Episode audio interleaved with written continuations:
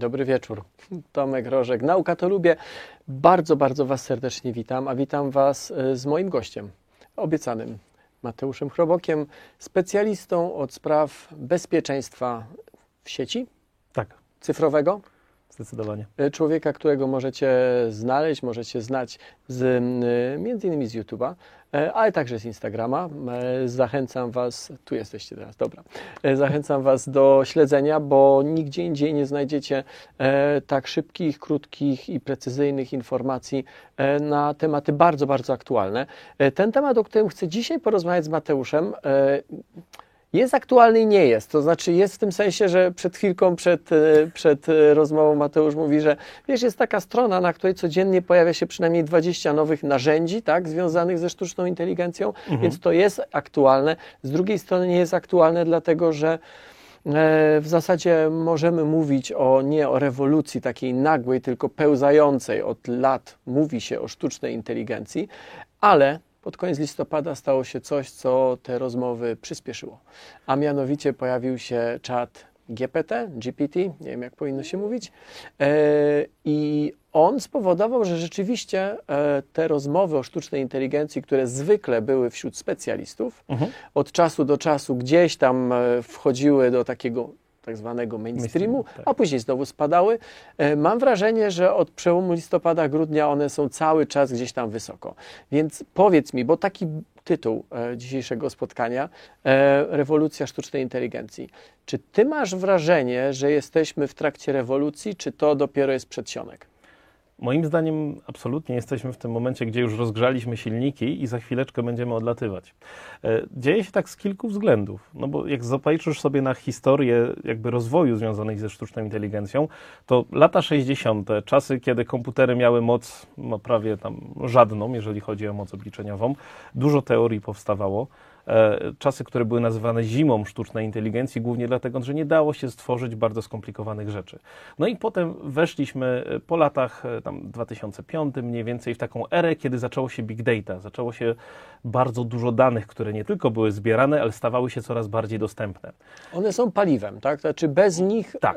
dyskusja o sztucznej inteligencji to dyskusja mniej więcej inżynierów lotniczych, którzy rozmawiają w laboratorium. Mogą wiele rzeczy zrobić, wiele rzeczy teoretycznie wyliczyć, ale Mhm. koniec końców muszą w końcu wznieść się w przestworza. I te przestworza dla sztucznej inteligencji to są ogromne e, zasoby danych. Ogromne zasoby danych, które muszą na początku, na wejściu zostać przelane, żeby tak na razie w uproszczeniu obrazowo powiedzieć, do pewnej formy. I tą formą są właśnie te modele uczenia maszynowego, czy tam różne metody sztucznej inteligencji. ChatGPT, czy tam GPT, to jest jeden z takich modelu, modeli, który nazywa się, jest jakby klasą LLM, Large Language Models, bo przelewa się tą wiedzę z danych właśnie do takiego modelu. I teraz e, to, co się stało, jak nadeszło big data, to było to, że mieliśmy coraz więcej, coraz lepszych metod, żeby radzić sobie z dużą ilością danych. Do tego dochodzi nam cały czas ewolucja, która jest związana z technologią. To znaczy mamy coraz szybsze karty graficzne, coraz szybsze procesory, więc jesteśmy w stanie tworzyć coraz bardziej skomplikowane konstrukcje, które, do których coraz lepiej możemy jakby nalać te dane wejściowe i potem lepiej je wykorzystać do bardzo różnych rzeczy. Jak pojawia się w tak zwanym mainstreamie sztuczna inteligencja, to ona się pojawia nie dlatego, że jakiś naukowiec coś zrobił, tylko dlatego, że powstało narzędzie, które umożliwia każdemu z nas Mhm. zrobienie czegoś. Przed e, czatem GPT była, była no, istny szał e, tworzenia obrazków. Tak. E, czy z palca wpisywało się, czy przerabiało się zdjęcie. Oczywiście każdy obrazek to jest mnóstwo danych, ale zanim mm, sztuczna inteligencja nad jakimś obrazkiem usiadła, musiała się przeszkolić. Tak. Bardzo często sami żeśmy ją szkolili, nawet o tym nie wiedząc. Mhm. E, tym razem ten szał jest absolutny, dlatego że obrazek tak czy inaczej malowało się zwykle przez jakiś program, ale Tak. rozmowa to już jest zupełnie inna historia. Rozmowa z urządzeniem i naprawdę trzeba się mocno postarać, żeby się dowiedzieć, czy żeby sprawdzić, e, co jest e, rozmową z urządzeniem, a co jest rozmową z człowiekiem. E, Jeszcze tylko dla informacji Waszej, oczywiście możecie zadawać pytania. Gdziekolwiek nas oglądacie, to wpisujcie w komentarze, a ja mam ich podgląd tutaj. mm, i postaram się bardzo, żeby jak najwięcej ich zadać. No więc dobra, mamy ten chat GPT i Mhm. pierwsze pytanie. Czy ten szał z przełomu listopada-grudnia, czy dla Ciebie specjalisty to był jakiś szok, że nagle zobaczyłeś narzędzie, które było dla Ciebie nowością? Czy to jest tak, że to był szok na zasadzie, dlaczego ci ludzie się dziwią? Przecież takie narzędzia już były wcześniej. Bardziej dla mnie to był szok, że tak dużo zainwestowali w to, żeby wypuścić to za darmo. Bo takie modele poza tą fazą, gdzie wiesz, trzeba zebrać dużo danych, wytrenować ten model, wyczyścić jeszcze te wszystkie takie warunki i rzeczy, których nie chcemy z tego mieć, to jest oczywiście mnóstwo pieniędzy.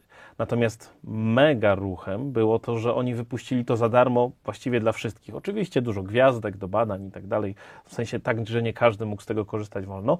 Natomiast ludzie, i to moim zdaniem był genialny ruch, bo w ten sposób otworzyli kreatywność ludzką, nie?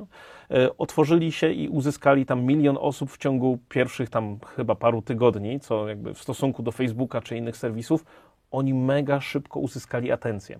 Jak uzyskali atencję, to uzyskali też mnóstwo danych, które ludzie wpisywali.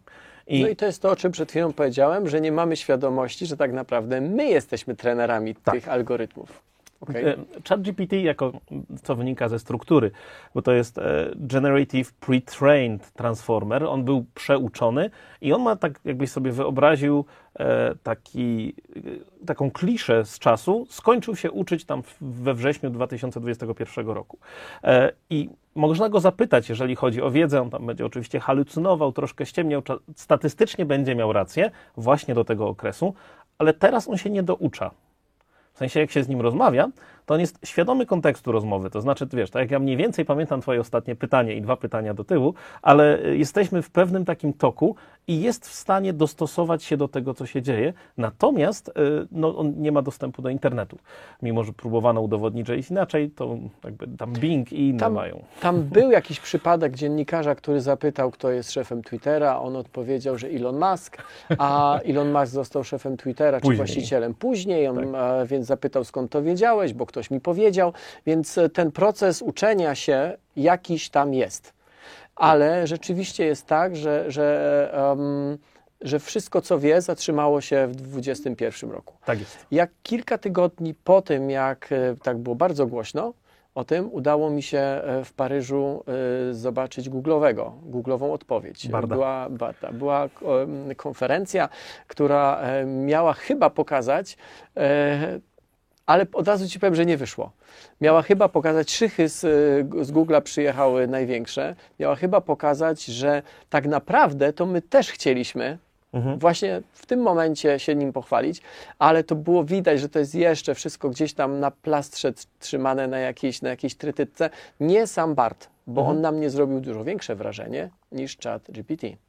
I padło tam takie hasło, ja nie jestem inżynierem, więc ja nie wiem, co tam jest w środku, ale padło tam takie hasło, że Google chce, żebyśmy wyszukiwali nie te rzeczy, które wpisujemy, tylko te rzeczy, których doświadczamy i które widzimy. to jest taki piękny koncept, bo zauważ, że to, co dzieje się między nami, to są jakby dwa zjawiska. Taki model najpierw musi człowieka zrozumieć. Ja też muszę cię zrozumieć, co ty masz na myśli. I to wcale nie jest proste, jak tak wiesz, znamy się chwilę, nie? Ale y, y, zna, zrozumieć. Nawet dłuższą chwilę. No, to dłuższą chwilę, to prawda. E, zrozumieć człowieka e, po tym, co on chce wyrazić. I teraz ten proces będzie o tyle coraz lepszy, im lepiej takiego człowieka masz sprofilowanego. Jak wiesz, o co wcześniej pytał, wiesz, w jaki sposób typowo pyta. E, I są wykorzystywane takie dwie struktury, tak trochę bardziej technicznie. Tam są enkodery i dekodery, które z tego, z naszego na komputerowe, a potem dekodują i to wychodzi dalej. Tam się wywala wszystkie rzeczy, zazwyczaj dla takiej czystości, które nie mają znaczenia. Czyli e, jaka tam jest forma osobowa, skraca się takie słowa, które są nadmiarowe, żeby tylko wyciągnąć z tego esencję. No i wtedy jak już się wyłapie tą esencję, to nie, to nie jest tak, że ja rozumiem, co masz na myśli, ale statystycznie jestem w stanie znaleźć tego reprezentację i wyszukać. Te modele, e, bo Google pokazało lambdę, tak, czyli tego ich barda, e, te modele, które się wszędzie znajdują, związane właśnie z Large Language Models, one korzystają z tego typu metod po to, żeby znaleźć taką formę pośrednią, z której jesteś, z która lepiej zdecydowanie tłumaczy się na taki język komputerowy i z której później można coś wyciągnąć. Bo drugi element, jak już się zrozumieliśmy, to jest to, że ja chcę Ci coś powiedzieć. To znaczy, chcę się z Tobą skomunikować jakby tym językiem na Twoim poziomie i to jest zupełnie osobny problem. Teraz przetworzenia tego znaczenia, które gdzieś tam złapałem, w taką formę, którą Ty zrozumiesz. To jest w ogóle abstrakcyjne. Nie wiem, czy dla Ciebie, jako dla inżyniera, mhm. E, dla mnie na pewno, bo Ty używasz słów, które tak naprawdę nie powinny być używane w stosunku do urządzenia. Mówisz zrozumieć, tak. mówisz chcę Ci powiedzieć, no, mm, ja rozumiem, że czasami technologia wyprzedza język. Prawda. Że e, nasze przyzwyczajenia e, czasami nie nadążają. Ja, przygotowując się do naszego spotkania, kilka tych pytań, które chcę zadać Tobie, zadałem też e, algorytmowi, za, mhm. zadałem też czatowi. Um, jedno z tych pytań to jest, jak przetwarzasz swoje dane? I on odpowiedział tak: Jak zadajesz mi pytanie, Moje algorytmy przetwarzają te dane i analizują je, aby zrozumieć intencje Twojego pytania i wygenerować odpowiedź na podstawie informacji, które zostały mi przekazane. Mhm. Jak się zastanawiam nad tym, to w zasadzie w tym zdaniu jest równocześnie wszystko i nic. To jest takie uproszczenie, ja też trochę upraszczam. I e, to dobrze, bym nie zrozumiał. e, I zastanawiam się, bo tych pytań mam więcej, ja je będę mm, w czasie naszej rozmowy e, przywoływał i bardzo często mam wrażenie, że to jest nic innego, tylko bardzo zgrabne, takie bardzo zgrabne lanie wody. Ależ jeszcze jak? Nie chcę powiedzieć przez to, że to jest nic nie warte, to robi wrażenie. Tak, tak, tak. To naprawdę robi wrażenie. Zresztą znając życie, na pewno sami próbowaliście, przynajmniej większość z Was.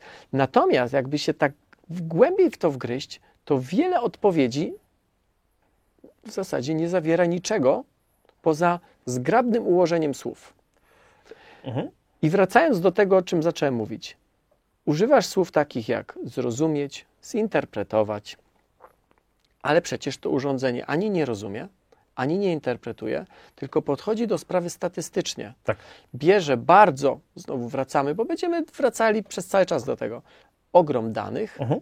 wyciąga z tego ogromu danych jakieś wnioski, że słowa, te słowa konkretne, ułożone w tym konkretnym porządku, mhm. zwykle dają takie a takie odpowiedzi. Więc teraz wystarczy te odpowiedzi jakoś zmiksować, zamienić innymi słowami i w zasadzie możemy udawać człowieka. Właściwie to tam w tym, w tym procesie, e, jakbyśmy go mogli troszeczkę bardziej prześledzić. Nie? Bardzo Cię proszę. E, masz słowa, które są słowami wejściowymi.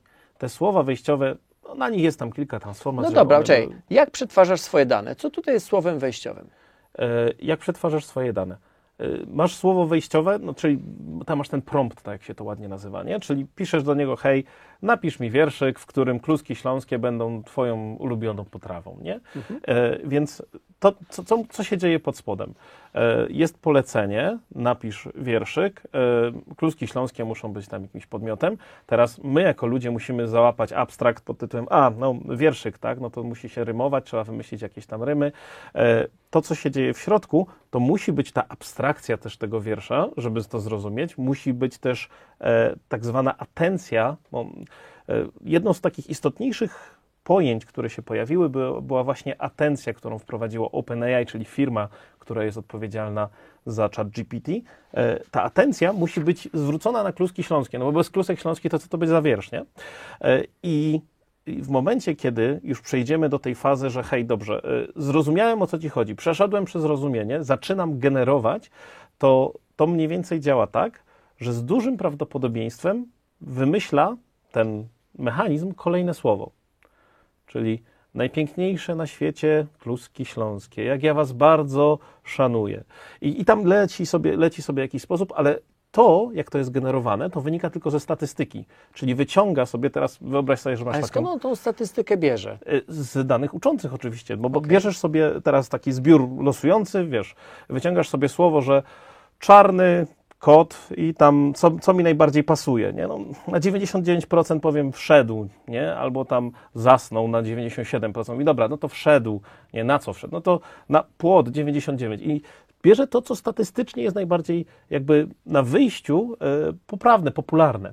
Tylko, że problem polega na tym, że mamy, w zależności od tego, jak zadasz to pytanie, co będzie na wejściu, to zadając je inaczej, pytanie o to samo albo prośbę o to samo, dostaniesz inne wyjście. Okej, ludzie działają dokładnie tak samo. Absolutnie. W porządku. E, możemy do tego gdzie, gdzieś tam wejść, ale chcę zadać e, pytanie em, pierwsze. E, wspominałeś o tym, że ChatGPT on nie jest podłączony do internetu. Mhm. Ten googlowy BART jest. Si.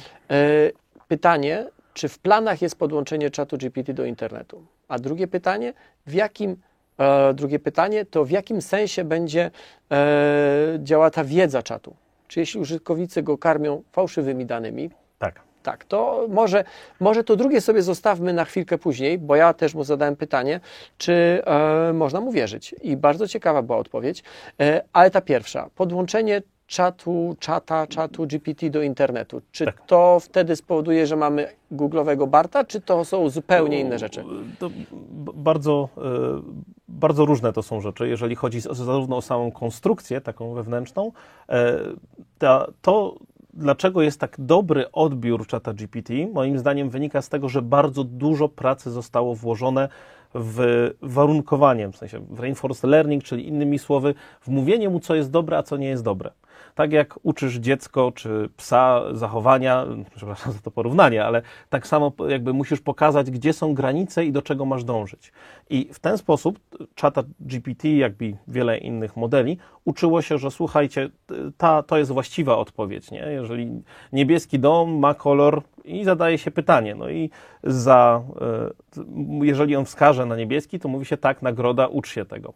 I to, co się dzieje, propaguje się ta wiedza jakby do modelu. Ten model ma mnóstwo tam, nie, nie neuronów, ale tak naprawdę na, powiedzmy, że to są takie listki na wietrze, które się w zależności od tego, co mu powiesz, czy dobrze, czy źle, one się będą inaczej układać i w pewnym momencie się to zamraża.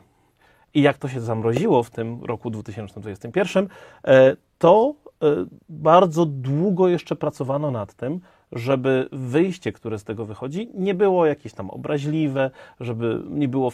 To, to, to jest bardzo trudny proces, no bo nie przewidzisz wszystkich rzeczy, których ludzie zapytają. To prawda. Do, w, ty, w tym wszystkim jeszcze była ta historia ludzi bodajże z Bangladeszu, którym płacono tam kilka dolarów dziennie za to, żeby wyczyścili te dane, które były na wejściu tego, nie? Czyli mnóstwo, mnóstwo pracy. I teraz Bing swoją wersję GPT, bo jakby jest chat GPT, który jest tym konwersacyjnym, a GPT to jest jakby sam model, podłączał gdzieś tam do Binga i jakby efekty są takie dosyć średnie na razie. Ale moim zdaniem to wynika dlatego, że bardzo trudno jest kontrolować jakość tego modelu w momencie, kiedy no, on jest podatny na zapytania na wszystko, na wiedzę, na dezinformację, tam nie ma takiej kontroli, a jesteśmy w ogóle pojęcie świadomości, ja wiem, to bardzo daleko, ale nie ma możliwości, żeby na chwilę obecną ten model wiedział, co jest dobre, a co złe, bez nauczenia go tego. Więc jak ktoś I będzie to go jest uczył- kolejny problem. Mhm. To jest kolejny problem, bo y, kilka lat temu y, był taki projekt y, realizowany przez MIT. Mhm.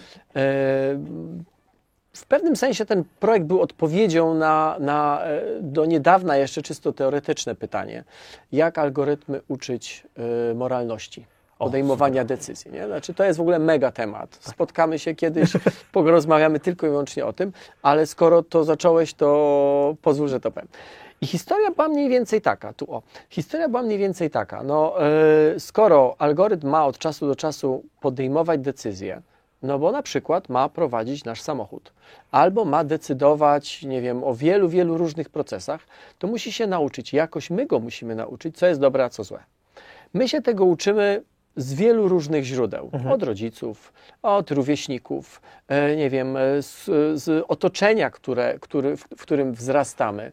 Osoby religijne, dla nich bardzo ważne jest to, co mówią prawdy, powiedzmy, danej religii, jakieś kody moralne. Oczywiście weryfikujemy to dorastając, dojrzewając ze swoim partnerem, partnerką, e, ale w skrócie uczymy się tego, czy wiemy to przez naukę, przez konfrontowanie. No więc pomysł był prosty. W takim razie stwórzmy e, kwestionariusz, Ten kwestionariusz będzie miał mnóstwo pytań w rodzaju, co byś zrobiła, zrobił w tej sytuacji.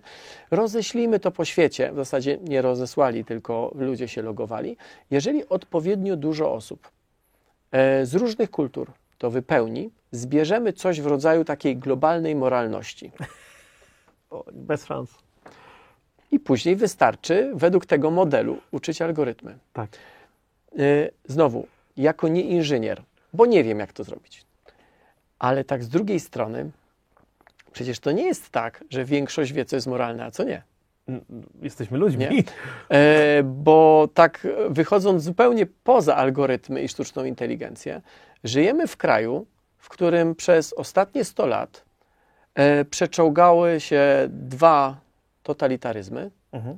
Jeden i drugi na którymś etapie miał większość. Miał większość ludzi, którzy wybrali, którzy tak właśnie chcieli. Później różnie bywało, ale na wstępie większość tak właśnie chciała. To może daleka analogia, ale y, budowanie norm moralnych przez większość, moim zdaniem, ma bardzo krótkie nogi. Ja nie wiem, jaka jest alternatywa, żeby było jasne. Tak? Ja tutaj nie pretenduję do roli kogoś, kto wie, jak to zrobić. Ja tylko mówię, że wcześniej czy później jakoś musimy algorytmy nauczyć podejmowania decyzji. Czyli w sumie, nie wiem, moralności, etyki. Tak, tak, tak. Absolutnie. W sensie ja się No bo na razie to jest czysta statystyka. I jest czysta statystyka, ale są już pierwsze modele, które nie tylko potrafią wyjaśnić, dlaczego podjęły taką decyzję, czyli są zgodne z nurtem explainable AI, tak zwanego, ale też takie, które, e, w którym można zaprogramować w pewien sposób e, pewne zasady fair. E, Samo to prosiłeś, także sorry. Dawaj. Idziemy, idziemy w to. E, Wyobraźcie sobie, że tak, e, w tej chwili korzystając z czata GPT, który jest tworem OpenAI, przyjmujecie pewien pogląd, przyjmujecie pewien punkt widzenia, który jest bliskie świata zachodu. Ale to nie jest jedyny model, który będzie powstawał na świecie i wyobraźcie sobie, że to tak naprawdę będzie pewna bańka informacyjna, przynajmniej na chwilę obecną. Takie bańki są tworzone w wielu miejscach na świecie. Nie wierzę, czy Chiny, że, czy inne państwa nie będą takich baniek tworzyły i zakładam, że rzeczy, które tam będą dozwolone, tak jak to bywa, wiecie, w różnych wyszukiwarkach, będą zupełnie inne. Więc w pewien sposób trwa teraz taki wyścig co do tego, no, znowu w jaką bańkę będziemy mogli się wepchnąć, a to będzie wpływało na kształtowanie się ludzi i tego, jakie będą miały. Bo będzie wpływało na te odpowiedzi. E, Absolutnie. I teraz, jeżeli e, doj- dojdziemy do tego, co jest tak, a co jest nie, e, OpenAI jest firmą prywatną. Tak? Tam oni na początku mieli takie świetne podejście, że będziemy non-profit, teraz są non-profit, ale trochę for-profit. E, To mimo wszystko może spowodować troszkę, z moim zdaniem, rząd dusz z tej perspektywy, że nie jesteś w stanie się z tym nie zgodzić. Jeżeli Google będzie miało, wiesz, zastosuje sobie swojego barda i będzie zezwalało na trochę inne rzeczy, trochę inne sztuczne inteligencje, e, najtrudniejsze w takich sytuacjach często jest to, że zwycięzca bierze większość, nie? Więc jeżeli u, u, uzależnimy się od kogoś, kto będzie jakby pierwszy, najszybszy, to może być bardzo trudne. No i teraz co? E, nie mamy wspólnej moralności, wspólnej etyki globalnie, no bo nie wierzę, że z tego... No nie mamy. E, więc Też, będą- też nigdy nie mieliśmy. E, tak, żeby tak. było jasne. Różne li- religie, różne środowiska, więc będą powstawały różne modele. Mamy nadzieję, że będzie pluralizm pomiędzy nimi. Natomiast jest bardzo duża dysproporcja, która jest bliska fizyki, bo te modele trzeba wyuczyć. Do tego potrzeba prądu, energii, metali rzadkich, procesorów, mikrokomponentów. To nie jest tak, że będzie równa reprezentacja tego wszystkiego. I to No okej, problem. no czyli dalej Chiny i Stany Zjednoczone. E, Co najmniej, co najmniej. Wyobrażam sobie, że tego będzie zdecydowanie więcej, bo e, każdy pewnie będzie chciał mieć możliwość, wiesz, przetrwania tej swojej myśli. Czy to będą Indie, czy to będą e, e, kraje, które jakby nie mają tak silnej reprezentacji, jeżeli chodzi o, o moc obliczeniową, e, to ja tak zawsze warto zerknąć na te, wiesz, top 100 superkomputerów. Gdzie one się tam znajdują? Kto je buduje? Dla kogo, nie? Swojego czasu tam top 5 właśnie był ten e, superkomputer zbudowany przez Microsoft dla firmy OpenAI, żeby modele GPT tworzyć, nie? E, Więc to, to jest olbrzymi wydatek, olbrzymi wysiłek, ale zwróci się. Okej, za chwilkę o tej energii kolejne pytanie. Czy mogę Ci wierzyć? Nie Tobie. Tobie wiem. Czy mogę Ci wierzyć? I jest odpowiedź taka. Jako maszyna nie mam motywacji ani zdolności do kłamania lub wprowadzania w błąd ludzi. To zdanie jest bardzo, bym powiedział, sprytne, bardzo Mhm, tricky, mhm. bo nikt nie mówi, czy ty masz taką zdolność, tylko czy ja ci mogę wierzyć. Tak. okej? E, Moim celem jest udzielanie jak najbardziej precyzyjnych i rzetelnych odpowiedzi na zadane pytanie na podstawie mojego wytrenowania na dużych zbiorach danych testowych. Jednakże ważna jest również, ważne jest również, aby zawsze zachować zdrowy sceptycyzm i krytyczne myślenie wobec informacji, jakie otrzymujemy z różnych źródeł. Warto również sprawdzić źródło informacji i jej wiarygodność, aby upewnić się, że uzyskujemy dokładne i rzetelne informacje. Niemalże jak z ulotki, No. takiego rządowego programu, nie daj się wkręcić, tak? Ważne Tak, jest tak. to, pamiętajcie, w porządku, ale jeżeli ona, czy on, bo on się Ciekawe, jako on, ona. no właśnie, ona sztuczna inteligencja, ale on czat, em, sam twierdzi, że warto sprawdzić źródło informacji. Czy my jesteśmy w stanie sprawdzić, skąd to urządzenie, ten algorytm zaciągnął informację? Wiesz co, y, w niektórych promptach, które ja sam pisałem, czy pisały inne osoby, rzeczywiście było tak, że on mówił, a to jest widoczne w tym papierze. Ja nawet tak, taki filmik robiłem, gdzie pokazywałem taki przykład e, z panią doktor Kubacką e, i